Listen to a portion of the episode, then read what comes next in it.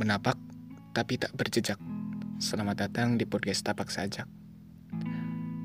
Uh, kalau kawan-kawan semua pernah lihat di YouTube-nya Tapak Sajak, itu hampir didominasi oleh beberapa musikalisasi atau visualisasi puisi kata-kata yang bertemakan galau gitu ya mungkin bisa disebutnya. Nah, sempat ada terbesit itu satu pertanyaan.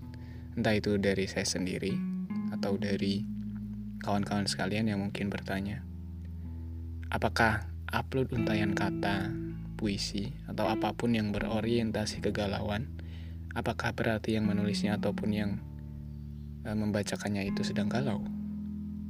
Menurut kawan-kawan gimana? Enggak juga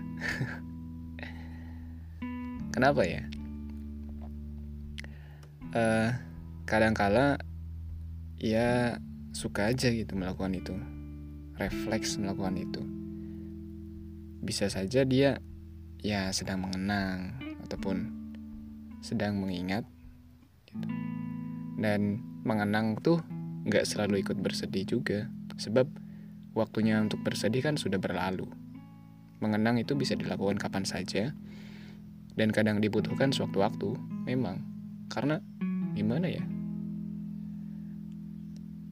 Kenangan itu kadangkala bisa datang ketika kita berkunjung ataupun membaca sesuatu hal yang ada kaitannya gitu.